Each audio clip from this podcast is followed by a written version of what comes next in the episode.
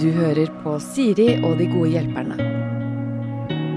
Mine gode hjelpere er Iman Meskini og Marius Skjelbekk, og vi skal nå gjennom en bunke med fem fine problemer til dere. Begynner på toppen, like greit. Her står det Hvordan håndtere en vinglete kjæreste. Hei. Jeg og kjæresten min har vært i et forhold i rett over et år. I løpet av året har han gjentatt at han er usikker på oss, og usikker på hva han føler.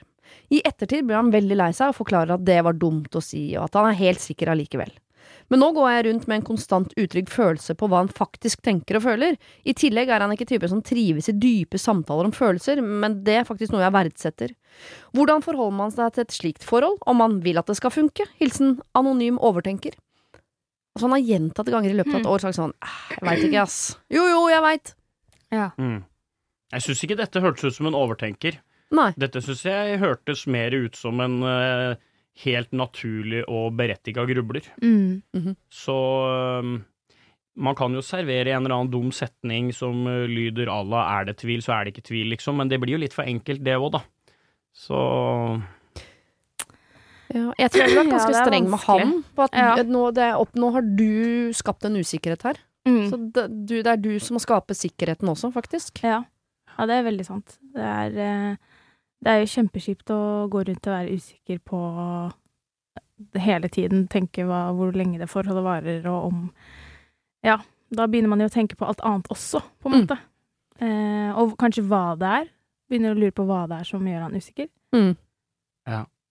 Men det eh, stiller jo et nytt spørsmål, egentlig, som jeg uh, syns er ganske interessant. Det er sånn, hvis man er i et forhold, da. eh, det er vi jo alle tre, hver for oss. Eh, ja, bare for å poengtere det. Og så har man kanskje en periode man er litt usikker, eller det er et eller annet som eh, akkurat nå syns jeg det går litt trått, eller du irriterer meg for tiden. Eller småting som man vet er sånn dette er bare perioder, det skal jeg gjennom.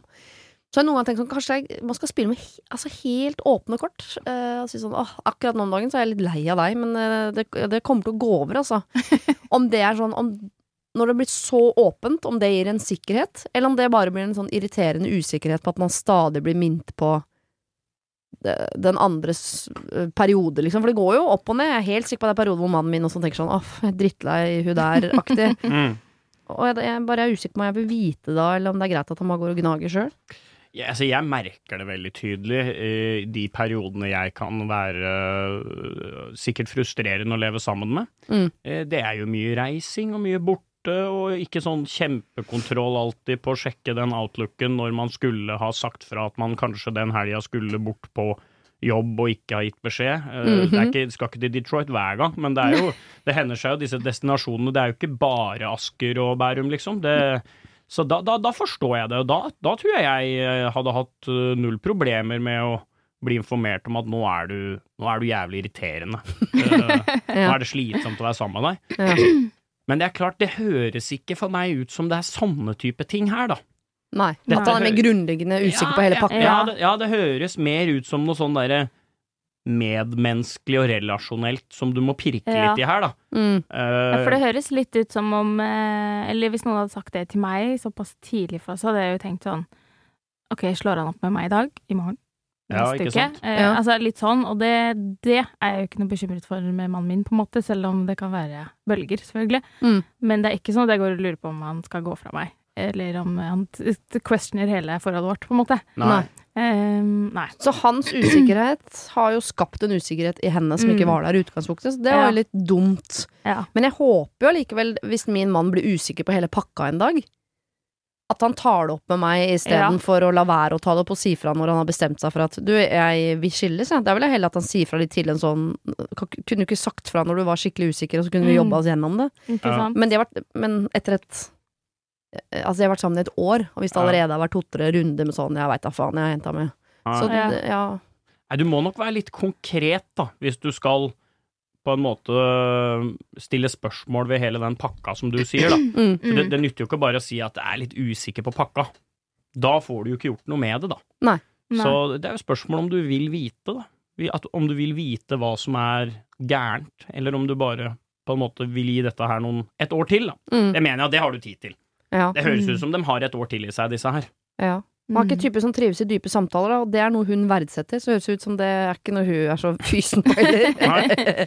Nei, og da blir det kanskje litt vanskelig å finne ut, Ja, det gjør det. eh, finne ut helt sånn hvor, hvor dette bunner i. Men eh, man kan jo også eh, prøve å liksom Nå er det jo Jeg føler at neste skritt er jo litt forskjellig hva det er i forskjellige forhold, men eh, nå vet ikke jeg på en måte hvordan de eh, Ja, om de har liksom møtt foreldrene til hverandre, eksempel. Mm. Eh, eller om de bor sammen, eller Men det kunne jo på en måte vært et sånt En liten sånn test til hvor, eh, hvor er vi hen, på en måte. Og OK, jeg har lyst til at du møter familien min, eksempel. Og hvis han får helt panikk, så tenker jeg at det indikerer litt til en sånn Ja. Jeg har ikke store planer om å kanskje bli igjen i det forholdet lenge. Nei. Eh, eller eh, eller eh, bare nevne sånn Ja, kunne, kanskje vi skulle prøvd å bo sammen snart, eller Mm. eh, Og hvis det bare gir helt sånn derre Hvis det får han liksom til å løpe ut døra, da tenker jeg jo at eh,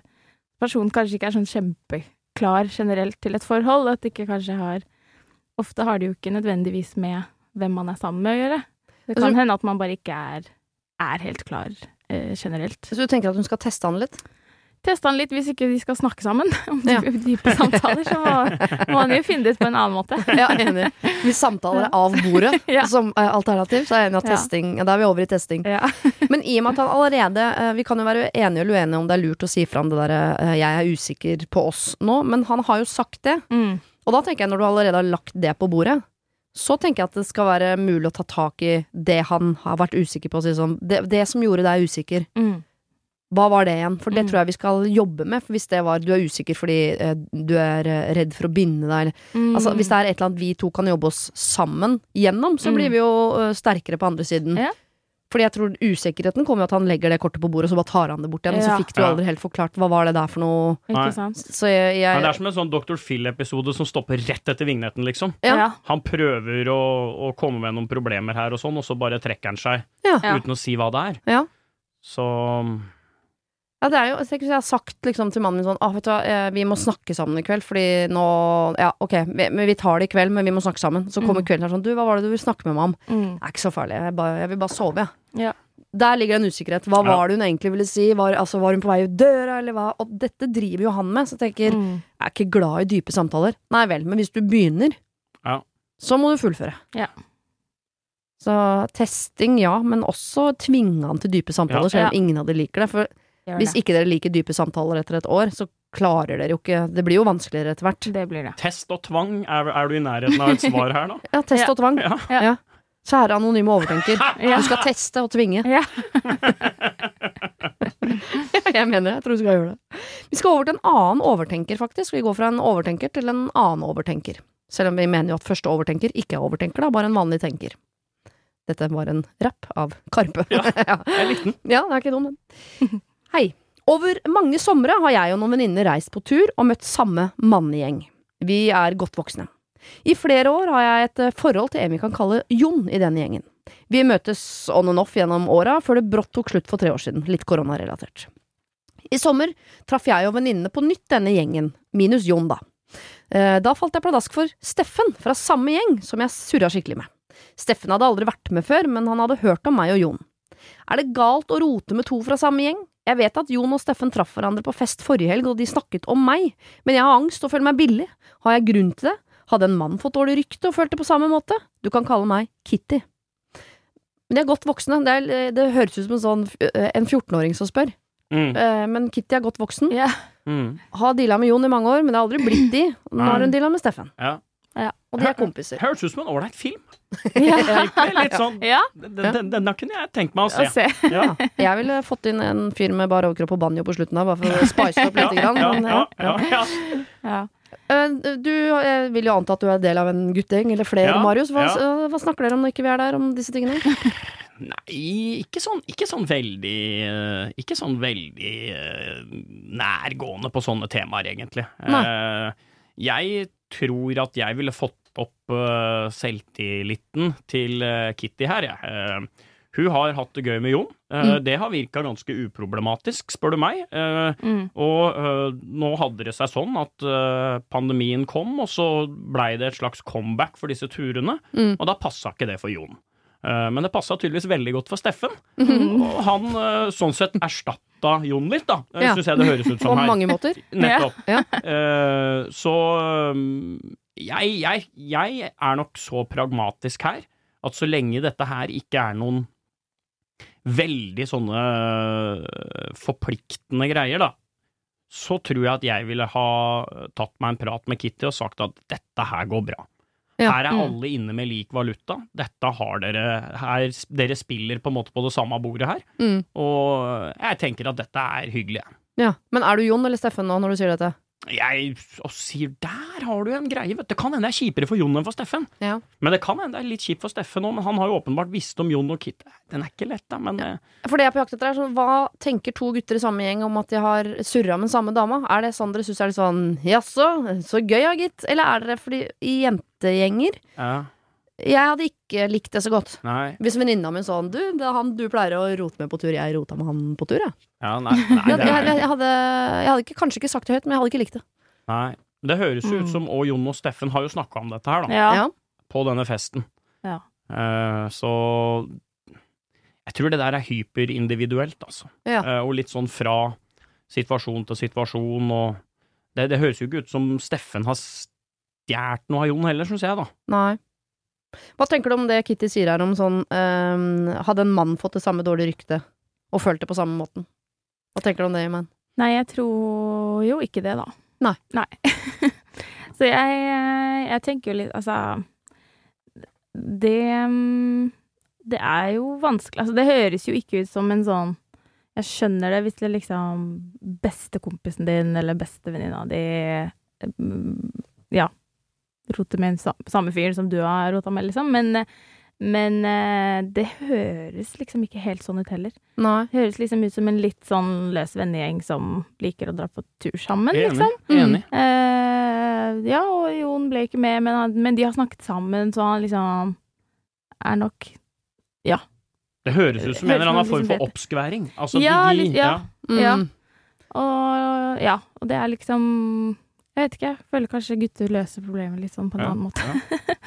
For jeg får ikke noe eh, sånn at dette må Kitty snakke om eller ordne opp eller sånn. Hun må bare ordne opp inni hodet sitt. Ja, ja, ja, Jeg tror hun bare trenger at vi sier sånn? Slapp av, Kitty, det der går helt fint. Ja. Ja. Ja. Jeg tror ikke den guttegjengen nå sitter og sier sånn Å, hvem får Kitty neste år da, gutta? Jeg tror ikke det er sånn stemning om bord. Eh, og hun rota, surra med han Jon ganske lenge, og det Ja. ble slutt. Virker uproblematisk. Og det er tre år siden, og så kommer er en ny fyr inn. Han Ja. er singel, du er singel, dere går i, Ja, i fjellheimen sammen og får tonen. Ikke sant? Det er vel ingen som dømmer det? Nei. Og så hadde hun jo ikke møtt Steffen før. Nei. Så hun hadde jo ikke Kanskje hun hadde valgt han første gang, hvis ikke Valgt han over Jon, ja? Hvis Ja, hun fikk begge presentert det. med en gang? Kanskje. Ja. Det vet, vet vi jo ikke. Nei, her må Kitty bare jobbe med sitt selvbilde og, og sin selvtillit, og tenke at dette her er her. Eh, det, dette går nok bra. Dette Ja. er nok skjedd mange opp igjennom, Ja. eh, mistenker jeg. Ja. Så hadde en mann fått dårlig rykte og, eh, og følt det på samme måte? Nei, antageligvis ikke, men det skal ikke du heller. Nei. Nei, Du har ikke fått dårlig rykte. Nei. Ingen Nei. som snakker om deg nå. Nei. Det er ikke sånn 'Å, her er Klitty Kitty'. Altså, det er, vi er ikke der. Nei, Nei, det I det er hele jeg tatt. ikke Nei, der. ikke der i det hele tatt. Ta det helt med ro, du, Kitty. Har du et problem og trenger hjelp, ja, så sender du det til meg. Da bruker du Siri, alfakrøll, radionorge.no. Ok, vi skal over til noe litt mer eh, eh, Noe vanskeligere, egentlig, for å være helt ærlig. Jeg har over en lengre periode slitt med et problem som jeg håper dere kan hjelpe meg med. Jeg har de siste åra, uh, godt mulig lenger også, slitt med omsorgstretthet. Jeg jobber innen helse, da innenfor rus og psykiatri, og har gjort det i snart ni år. Det er en jobb som er både givende og krevende, og jeg syns det er inspirerende å få være eh, til hjelp som omsorgsgiver, og trives med det, altså. Helt til nå. Det siste året har jeg kjent på at det som før ga mening, har nesten blitt likegyldig for meg. Mange av mine arbeidsoppgaver og ulike situasjoner er blitt for krevende og overveldende. Jeg tar lett til tårer når jeg er alene og kjenner på vondt i magen før jeg skal på jobb. Aktiviteter som tidligere jeg fikk glede av, har jeg slutta med av fysisk påkjenning, som tretthet og utmattelse. Jeg går konstant med indre stressopplevelse der jeg ofte opplever å være irritabel. Irritabel. Jeg tok grep, bytta jobb for tre måneder siden, det skal sies at jeg fremdeles er innenfor behandling for rus og psykiatri i helse, men det føles ikke noe bedre. Jeg er bare lei! Jeg synes det er flaut å ha det sånn, og dermed har jeg ikke snakket med noen om det. Jeg er enslig og mange gode venner rundt meg, øh, øh, rundt meg så muligheten er der. Altså til å ha noen å snakke med. På grunn av dårlig samvittighet for at jeg kjenner på slike følelser i forhold til jobb, så gjør det også at jeg blir selvkritisk. Jeg har tatt det opp med leder, jeg, jeg nevnte det til en tidligere arbeidskollega, og hun sa at siden jeg er enslig eller bor alene, så er det lettere for meg at jeg tar med meg jobben hjem. Ligger det noe i det? Hva kan jeg gjøre for å få det bedre? Bør jeg se meg om etter noe helt annet? Bør jeg søke hjelp, eller skal jeg være åpen for nåværende leder? På forhånd, takk. Kall meg gjerne utbrent. Altså, hun er drittlei jobben sin. Ja. Ja. Hun er drittlei av å hjelpe folk. Mm. Og så hører jeg at hun er en sånn person som egentlig liker å hjelpe folk, så hun får litt sånn dårlig samvittighet over at hun ikke er, er helt der fortsatt. Ja. Kan man vekke det til live, eller hva? Skal hun bli? Fikse problemet der hun er? Gå ut? Ta seg en pause? Hmm, det kan jo være um, Altså, det fins jo veldig mange måter å hjelpe folk på. Uh, så det er jo absolutt masser av muligheter for å fortsette å kunne hjelpe folk Mm. uten å måtte gjøre eh, akkurat den jobben. Mm. Eh, så jeg tenker jo absolutt, hvis hun har muligheten til å kanskje prøve noe annet, eh, gjøre det. Mm. Eh, og kanskje finner hun veien tilbake, eller så finner hun noe som eh, eh, gir henne energien tilbake i, i jobben også. Mm. Eh, og det med å ta jobben hjem, det er jo Det tror jeg kanskje alle har kjent litt på en eller annen gang, og det er eh, eh, rett og slett noe man må Man må jo starte med å bli bevisst på at man gjør det. Mm. Eh, og så jobbe med Og det er jo det, fordi jeg tenker jo at de som er i disse jobbene og, og hjelper folk, eh, og forhåpentligvis liksom oss en dag, holdt jeg på å si, eh, eh, de er jo helter. Mm. Og at de trenger seg en pause, det, det er lov. Mm. Ja. Det er slitsomt å være helt. Ja. Jeg tror at noe av problemet hennes, da, øh, fordi at hun har den jobben hun har, Mm. det er jo at skammen blir så stor. Mm. Eh, hvis jobben din er å hjelpe mennesker og, og gjøre så mennesker med problemer av ulik art blir friskere, blir bedre, føler seg vel, når du blir eh, drittlei av det, Mm. så tror jeg at på en måte eh, skammen den andre veien eh, blir så tyngende. Mm. Hvis du er elektriker og blir lei strøm, så er det jævlig forståelig. Eh, liksom, ok, ta deg pause du nå. Nå tar du deg et halvt år. Mm. Du får permisjon. eh, så ser vi om du i eh, mars eller april er klar til å komme tilbake på jobben. Sånn Mm. er det jo for meg, og hvis jeg skulle blitt drittlei fotball det, Mm. ingen som hadde, det, hadde, det hadde ikke vært noe skam. Mm. Altså, det hadde kanskje vært et savn, og det hadde kanskje vært litt rart, Mm. men at man hadde tatt seg et halvt år off, og så kommet tilbake og gleda Mm. seg til en ny sesong eller en ny start. mm. Men på en måte, når du jobber innenfor den sektoren der, Mm. Så tror jeg det føles helt forferdelig. Uh, og du føler deg helt sikkert, og skal føle deg også, som et sånn utrolig viktig brikke da, i et system som, som gjør at Norge er det fine landet man er. Og jeg, jeg tror vel egentlig at uh, man hadde vært tjent med en sånn åpenhet uh, og en litt sånn transparent greie på det der, at det er veldig forståelig at sykepleiere kan bli lei blodprøver, at psy Mhm. psykologer kan bli lei samlivsbrudd. Det skjønner jeg veldig, veldig godt. Mm. Eh, og jeg skjønner også veldig godt at det er vanskelig for vedkommende her og, og stå i de problemene. Ja. Mm. Og i hvert fall sånn at man kan få sånn drukningsfornemmelser av sånn Ja, men jeg trenger hjelp. Ja. Mm. Jeg, det var, jeg har ikke tid. Det er, ingen som, det er ingen som hjelper meg. Det er bare jeg som skal hjelpe andre. Tenk, hvis du først er et menneske som jobber innenfor helsesektoren, og som da er antageligvis et menneske som liker å hjelpe andre, Mm. så tror jeg det føles ekstremt egoistisk å plutselig skulle ta en pause for å hjelpe seg selv, fordi det strider mot alt du driver med hver eneste dag. Så er, Mm. det er en grunn til når du setter deg inn på fly at de er ganske sånn tydelige på den derre uh, sett på egen gassmaske før du hjelper andre, for det er en del mennesker som ikke, får, som ikke gjør det. Som tenker sånn Mm. nei, nei, alle før meg. Mm. Meg til slutt, meg til slutt. Og sånne folk drukner jo til slutt. Ja. Så hvis hun Mm. nå, nå er hun kanskje, kanskje hun egentlig er lei seg for noe helt annet. Kanskje hun er lei seg for at hun er alene. Mm. Uh, men det har hun ikke tid til å ta tak i, for hun skal hjelpe alle, alle de andre først. Ja. Mm. Og det er ikke sånn at det blir tomt for folk å hjelpe. Det kommer stadig inn nye Ja. med rusproblemer. Altså, det er tusenvis av folk du skal hjelpe de, eh, de neste Mm. 50 åra. Ja. Mm. Men hvis ikke du klarer å hjelpe deg selv samtidig, Mm. da tenker jeg Da, da må du gå helt ut av det. Gjøre Mm. noe annet. Og så finne tilbake til den derre eh, Det overskuddet du faktisk trenger for å hjelpe andre, da. Ja.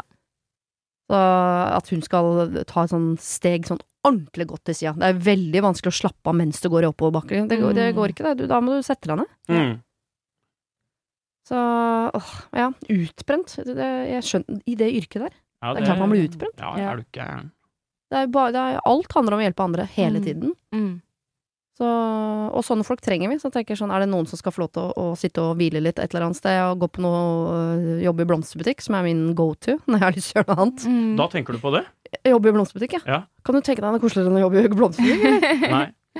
Jeg, eh, nei, jeg, jeg, jeg verdsetter jo det fagpersonellet på disse blomsterbutikkene veldig, veldig høyt, da. Ja. Eh, for det er en vanskelig greie, syns jeg. Kjøpe blomster. For du er en øm tass, så Ja. du liker å kjøpe Ja, blomster men jeg, men jeg, er dårlig, jeg er dårlig på det, ikke sant. Er det, er det tulipan eller rhododendrosesong nå, liksom? Jeg vet da faen, jeg. Men når du kommer inn der, så blir du bare møtt Mm. av sånne menneskekjennere Mm. som, som ser på deg, og de skjønner med en gang dette er ikke en type som skal velge mellom hvite eller røde roser. Her er det en type som har lyst til å betale de 450 kronene for å få den her kvasten ferdig, Mm. og så skal han hjem. Ja. Og de, de menneskene i de yrkene der, det er mine det, Der snakker du helter. Ja. Men tenk deg, de er lykkelige når de kommer. De sover godt om kvelden, Marius. Hæ? Har på jobb en dag, ja. Jeg har kombinert noe rhododendron med noe tulipaner, ja. Og så var jeg helt crazy i dag. Vi putta en oransje i midten her. Det Mm. pleier jeg aldri å gjøre. Og tenk litt sånn, litt sånn sår og plaster på fingra, og kutta seg litt på noen torner og Nei, det liker jeg godt. Jeg, jeg gleder meg til å komme på Interflora Sandaker når du får deg jobb der, Siri. Men er vi enige om at utbrent skal få lov til å ta seg en skikkelig pause? Ja. Og ikke bare en sånn eh, liksom-pause, men en sånn pause med noe helt annet. Ja. Og hvis hun på et eller annet tidspunkt savner å hjelpe folk, det er mange muligheter til å hjelpe folk. Mm. Hvis du aldri orker å gjøre det igjen, nei, Mm. så har du i hvert fall hjulpet deg sjøl. Det er jo in the end viktigst. Ja. Absolutt. Ok, hvordan glemme eksen når han ligger i notifications, skal vi innom nå. For et år siden møtte jeg min nåværende kjæreste, som jeg elsker mest av alt, og jeg kan ikke være foruten han. Han er den snilleste jeg vet, og han er alltid så god og forståelsesfull, og vi er i et stabilt og sunt forhold.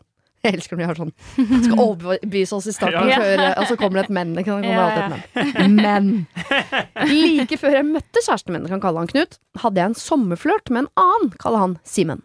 Som, jeg endte med, eh, som endte med å gjøre meg supersåra, og jeg ville aldri blitt forelsket igjen. Simen ville plutselig ikke ha noe seriøst, men ville fortsette å møte meg. Jeg følte meg derfor ikke god nok, pen nok osv., om du skjønner.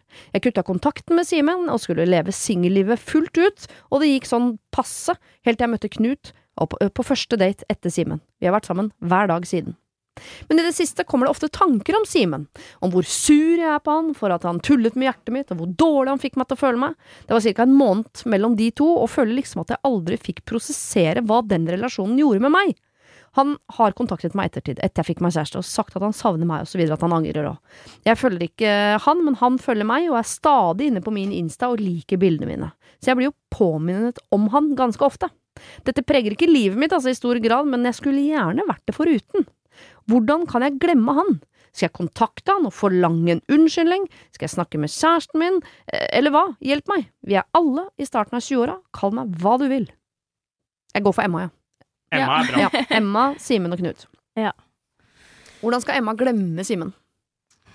Um, Hun kan jo starte med å uh, blokke ham på Instagram. Ja, for det jeg Her har, sitter vi på en teknisk løsning, gjør vi ikke det? Ja, det Ja. gjør vi. Det er deilig. Absolutt. Ja. Uh, hun skylder ikke han noen ting. Uh, og han, han tok sitt valg, eh, og da går hun videre. Mm. Eh, og at han skal sitte der og like bildene hennes og mase på henne og komme inn i tankene og feeden hennes, det Det fortjener han ikke. Kjøre full blokk. Jeg ville kjørt full blokk. Mm. Hun spør jo om hun skal snakke med Knut om dette, og vi har vært innom et problem tidligere i dag hvor eh, det der med den åpenheten Mm. eh, tidlig i en relasjon faktisk kan ødelegge litt. Mm. Eh, men hun nevner jo det som et eh, alternativ her, at hun skal snakke med kjæresten sin om denne Simen som hun ikke helt klarer liksom å, å blokke ut fra livet sitt. Nei. Er det en god idé? for noen er det sikkert det. Eh, men jeg tror jeg det, Dette her høres ut som også et tilfelle som trenger litt tid, gjør det ikke det? Mhm. At Mm. eh, nå har det gått ett år siden dette var i fjor sommer, da. Mm. Så skjønner jeg jo at det på en måte kan sitte litt igjen. Mm. Eh, jeg tror det er helt vanlig, uavhengig av eh, hvor lenge man har vært sammen, eller ditt og datt, at man en gang i ny og ne havner på sånne tanker Hvordan hadde livet mitt vært dersom A ikke hadde skjedd, men B skjedde isteden? Mm. Eh, Så det, det tror jeg bare at hun at hun bare skal stå i at sånn er det. Du er i starten av 20-åra. Mm. Det ville vært veldig rart hvis du ikke hadde noen tanker om uh, hva som kunne eventuelt ha skjedd med Simen. Ja. Noen stier du bare ikke gikk, men Ja. som Ja. Ja, ja, men det tror jeg. Uh, og hva hvis Simen hadde vært sånn og sånn, og ikke gjort det mot meg sånn og sånn, det, det, de tankene tror jeg bare du må gi litt tid, altså. Mm. Uh, Men kan det være enklere å komme over det hvis hun For hun øh, har jo også som alternativ at hun kan kontakte han og, og blåse ut. Mm. Hun er jo sint på han. Ja. Og jeg tenker blokkene kan jo virke som en sånn «Mm, 'Du får ikke lov til å følge meg lenger'. Eh, eh, det kan jo hende at hun, hvis hun er litt sånn eh, ute etter rettferdighet, at hun har lyst til å fortelle han 'faen, for et rasshøl du var'. Mm. Og at det kan føles litt deilig å være sånn nå, 'Nå lempa jeg den følelsen i meg om at du er et rasshøl, over på deg'. Mm. At Ja. det kan hjelpe. Kanskje, ja, jeg tenker jo at uh, Ja, da, da gir du han uh, oppmerksomhet og energi. Ja. Jeg syns ikke, han- jeg synes ikke han fortjener noen ting. Bare, altså, så tenker jeg at er det, er det viktig nok? Er det Mm. stort nok, og tar det nok tid, tanketid, eh, fra henne til å snakke om det med Knut? Mm. Hvis ikke, så tenker jeg at det er like greit å kanskje ikke gjøre det. Ja. Eh, for det er jo sikkert ikke så veldig gøy for Knut å høre. Nei. Eh, og med tanke på at de, det høres ut som de er i veldig stabilt og, og, og fint forhold, som du sier. Han Eh, er jo verdens snilleste, er han ikke det? Jo. Ja. Hvis, hvis han leder den lista, Ja. så er jo det bra. Det, er Ja. ofte, det, er, det skal mye til, da. ja. Han er alltid og god og forståelsesfull, og det er et sunt og godt forhold. Ja. Stabilt forhold. Da tenker jeg egentlig at det bare Det høres så mye bedre ut Ja. eh, Mm. enn det hun kunne fått med han denne Simen. Ja, men jeg, jeg tror jo òg at det Emma Mm. øh, kjenner litt på, er jo denne øh, litt sånn Og det, det tror jeg jo er litt av det Nå må jeg holde tunga rett i munnen her. Simen Mm. også kjenner litt på. Det er jo den kikkeren som bor i oss. Ja. Så man er alltid litt nysgjerrig. Eh, gikk det med hun? ikke sant? Mm. Går det der nå? Det tror jeg jo også kanskje at Emma tenker litt òg. Når hun ser den liken, så er det liksom sånn eh, Ikke ta på godtefatet, men du klarer ikke la være. Du, Mm. du, du har lyst til å se litt. Det er helt menneskelig, det. Ja. Går det? At du har lyst til å tenke litt sånn og sånn. Så jeg, jeg tror at man ikke skal overdramatisere dette her så jævlig. Mm. Hun er skuffa og lei seg uh, for det Simen gjorde, men hun er Mm. veldig glad for alt Knut gjør for henne. Mm. Eh, og at det er en sånn liten sånn styggen på ryggen som fortsatt tenker ja, hva kunne det, ja, litt forbanna på han, ja, hva kunne det blitt? Mm. Mm. Jeg setter det på kontoen for veldig naturlige tanker. Ja. For, altså, eh, det kommer ofte tanker om Simen og hvor sur jeg er på han for at Ja. han tulla med hjertet mitt. Sånn, kan du istedenfor å være sur på han, være glad for at du ikke er sammen med han? Så eh, hvis du ikke blokker han, eller de gangene han dukker opp i tankene dine, så kan du prøve å møte den tanken med sånn Å, deg, ja! Å, så digg at det ikke ble deg! Mm. Ja. Dritdeilig. Du er jo helt Altså, det er ganske Man kan eh, overbevise hodet sitt om ganske Eller man kan i hvert Mm. fall forsterke noe sånn Hvis du syns han er dust, Mm. så er det lett å gå fra at han er dust til at han er helt jævlig. ja. Ikke sant? Ja. Og bare sende på en sånn Mm. og være glad for at å, herregud, så Ja. glad jeg er for at det ble Simen. Men det Ja. som gjør at i og med at hun ikke har klart det allerede, og ikke driver med dette, Ja. så syns jeg så, å ha sånne Simen i livet sitt er litt skummelt, fordi jeg er veldig glad for at min mann, for eksempel, de bruddene han har bak seg, har vært veldig sånn De har vokst fra hverandre. Rolig brudd. Ikke noe sånn eh, skrik og hyl og 'jeg hater deg' og 'faen, du har skuffa meg' og så Fordi der ligger det jo masse følelser i de Ja. bruddene der. Ja. Mm. Så jeg tror eh, hvis Jeg hadde vært veldig nervøs om jeg var Knut. Hvis Mm. Emma skulle gå og snakke med Simen, og det er masse raseri og følelser og Altså, det Mm. høres jo ut som starten på noe som kan bli et helt ålreit samleie. Ja. Eh, så der ville jeg vært nervøs. Hvis Mm. hun i større grad klarer å bare sånn Jeg driter i Simen. Simen betyr ingenting for meg. Mm. Da er han ikke farlig lenger. Men når Simen er en sånn fyr du går rundt og fyrer deg opp over, Mm. møte han og skjelle ut han Tenk hvis de finner ut av ting, da. Da ligger det jo masse passion der. Mm. Ja. Nei, de kan ikke Nei, nei, nei, nei, nei, nei, nei. Han må blokkes. Ja. Jo, men rent teknisk, blokk han på Ja, Instagram, ja, ja. blokk han i hodet, et møte, liksom. Hver gang Ja. du tenker Simen, så tenker du øh, Simen! Æsj, Ja. en jævlig ekkel fyr. Ja. Overdriv, han har sikkert et eller annet som er stygt Ja. ved seg, både i personligheten og et eller annet på kroppen hans som er jævlig. Forstørr de. Ja. Se på alle feilene hans med lupe, liksom. Tenk åh, for en dust. Jeg tror du er inne på noe helt vesentlig. Ja. Men det viktigste er bare blokk han. Eller helt teknisk. Det er veldig enkelt, da, for han har ikke gjort det for lenge siden. Mm. Jeg vet ikke hvordan man gjør det, kan du vise meg det etterpå?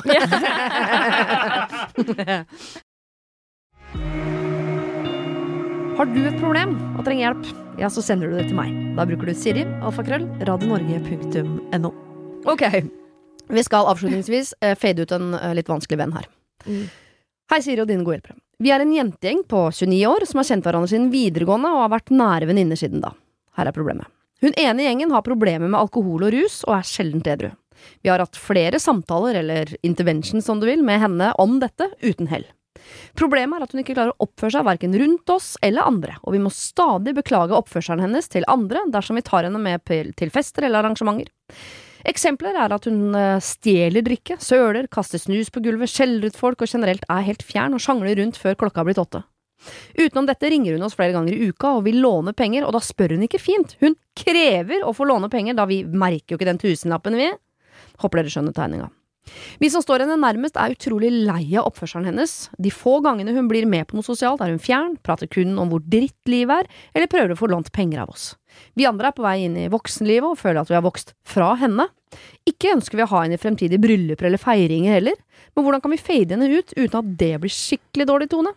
Det er vanskelig da vi har kjent hverandre så lenge, og samtidig har så mange felles venner både i og utenfor gjengen.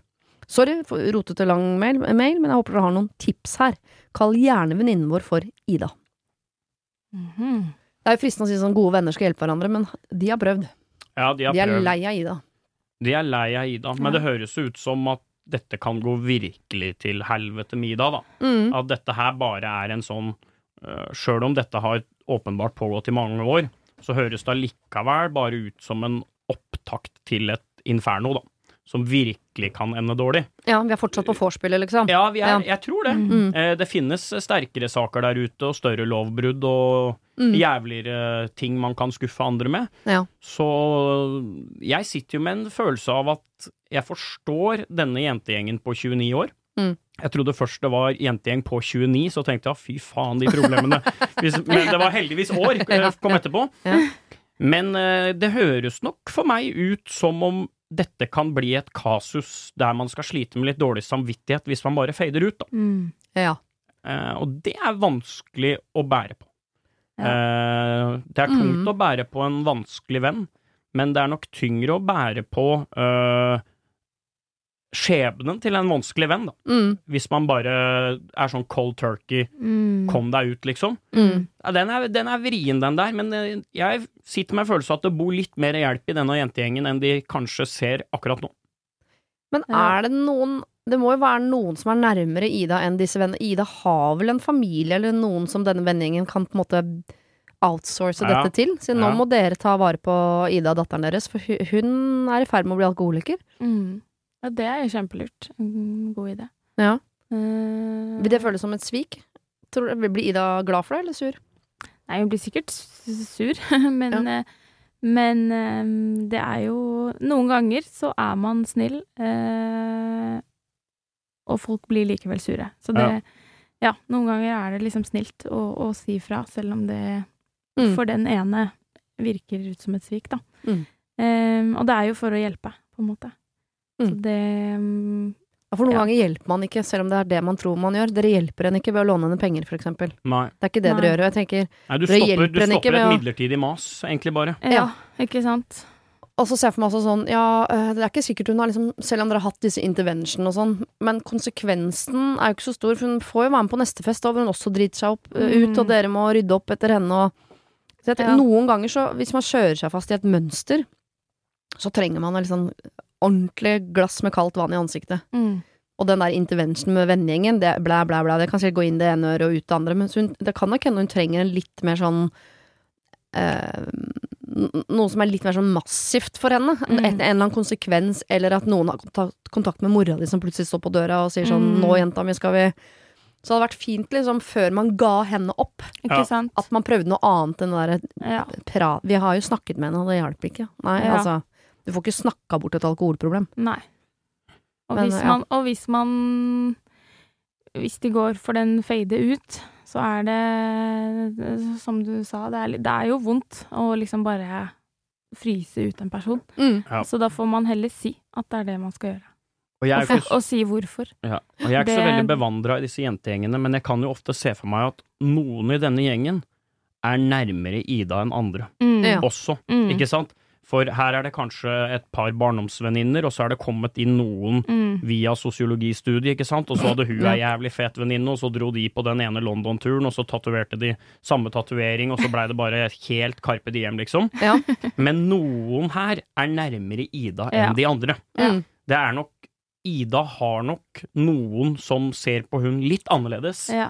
enn en hele gjengen, da. Mm. Og det er jo kanskje, det er kanskje nå det er tid for å trå til som Mm. den aller nærmeste, tenker jeg, da. ja. Uh, Veldig sant. man skal liksom ikke skille på vennskap eller si at det er bedre enn det, eller det er dårligere enn det, men det er nok sånn en venninnejentegjeng består nok liksom av litt sånn ulike Mm. fasetter, da. Mm.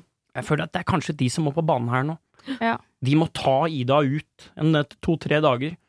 Lage den intervention lang og jævlig som, bare, som du bare kan, Mm. og så får man se om det, om det blir noe bedring. Og så tipper jeg, dette er fordommer fra min eh, side, men jeg tipper at disse interventionene har nok ikke vært så tydelige som dere tror. Det er veldig ofte at man Mm. tror Ja. man har vært veldig tydelig i kommunikasjonen Mm. sin. Vi har sagt veldig tydelig fra om at dette ikke er greit, osv. Men Mm. jeg tipper det. Dere har ikke egentlig det. Dere har sagt fra på en måte som er litt behagelig for dere òg, Ja. som ikke har kommet så veldig tydelig gjennom. Det er noe med hvis hun får beskjed om eh, La oss si at eh, du som sender inn nå skal gifte deg, da. Eh, og si sånn, vet du hva, jeg, fakt du, er- jeg er veldig glad i deg, Ida. Jeg kommer ikke til å invitere deg i bryllupet mitt, for jeg stoler ikke på at Mm. at det kommer til å bli bra. For erfaringen min tilsier at det, noe kommer til å gå gærent, så det, det beklager jeg. Mm. Håper vi finner ut av det og skal være venner for bestandig, men sorry. Ja. For det er noen sånn Du må få noen sånne slag i ansiktet på sånn Å, oh, shit, jeg Mm. faktisk Hva er det jeg driver med? Ja. Ja, at du ja. får konsekvenser, rett og slett, og, Mm. og hører hva Ja, så jeg tror det er mye bedre å, å si de tingene, for da må hun åpne øya. Ja. Og ikke på en sånn hele jentegjengen intervention, for da det tror Nei. jeg også hadde bare lukka øra Ja. og kvessa klør og tenkt sånn Ja, dette føles som et angrep. Mm, men Ja fint at de nærmeste kanskje tar eh, Og det er jo si helt sikkert litt. noen interventions her som også inneholder chardonnay og chablis òg, Mm. mm, ikke sant? Så jeg, jeg tror at når, når de tar mot til seg for å snakke og det ene med det andre, så kan jo det veldig fort være i anledninger som ikke er helt sånn nedstrippa og ærlige, da. Mm. Og så tipper jeg også at jeg tror noen ganger jeg har sagt fram ting til min mann fordi jeg husker så tydelig at jeg har sagt det. Mm. Og så glemmer jeg at ja, men du sa det jo ikke til mannen, du sa det jo til Karianne når dere gikk på tur. Ja. Ja. Det er ikke å si fra. Du har sagt det høyt en eller annen gang, men ikke til han.